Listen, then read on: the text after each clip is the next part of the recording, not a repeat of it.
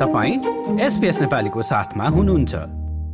अब भने कार्यक्रममा पालो भएको छ। शुरूमा भनिए चाहिँ ला निन्याको बारेमा कुरा गर्ने श्रोतावृन्द विश्वभरको मौसममा प्रभाव पारेको प्रणाली ला निन्या आधिकारिक रूपमा समाप्त भएको घोषणा गरिएको छ।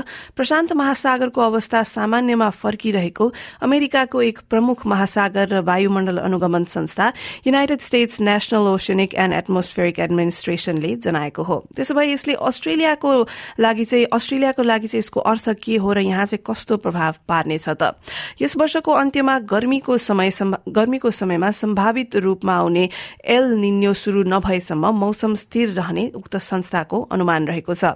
ला निन्याको समयमा प्रशान्त महासागरको सतह तापक्रम minus point eight minus point eight degree हुन्थ्यो र अहिले उक्त तापक्रम भने औसत भन्दा औसत भन्दा कम माइनस दुई पोइन्ट डिग्री रहेको बताइएको छ।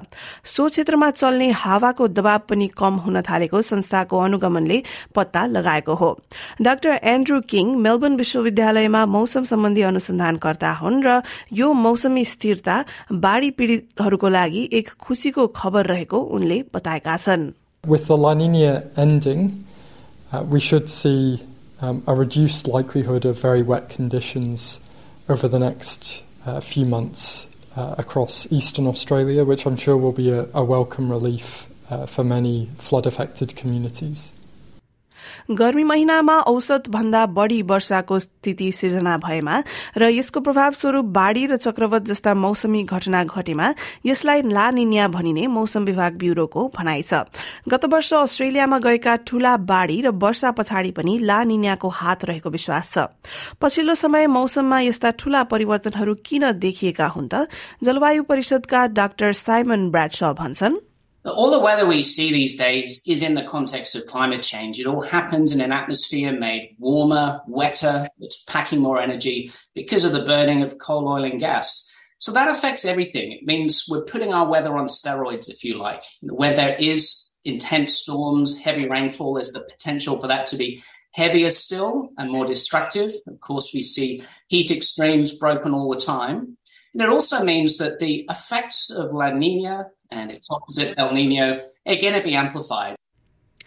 र आउँदा महिनाहरूमा कम वर्षा र बाढ़ीको अनुमान गरिए तापनि चनाखो भने रहनुपर्ने उनले बताएका छन् We do know there'll be a return to above normal fire potential at some point because we are now looking at a dry period.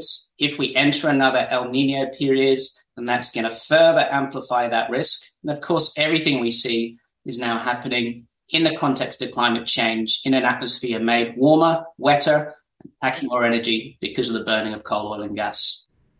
Raw श्रोतावृन्द SPS न्यूजको लागि एलेक्स एनिफेन्टिस र ग्यारेथ बोरेमद्वारा तयार पारिएको रिपोर्टलाई तपाईँले दिनिता रिसालको आवाजमा सुन्नुभयो केही समयमा यस रिपोर्टलाई पनि हाम्रो वेबसाइट एसपीएस डट कम डट एयु स्ल्यास नेपालीमा पाउन सक्नुहुन्छ एसपीएस नेपाली मोबाइल अनलाइन र रेडियोमा यो जस्तै अन्य प्रस्तुति सुन्न चाहनुहुन्छ? एप्पल पोडकास्ट गुगल पोडकास्ट स्पोटिफाईमा हामीलाई खोज्नुहोस् वा तपाईँले पोडकास्ट सुन्ने अन्य सेवामा।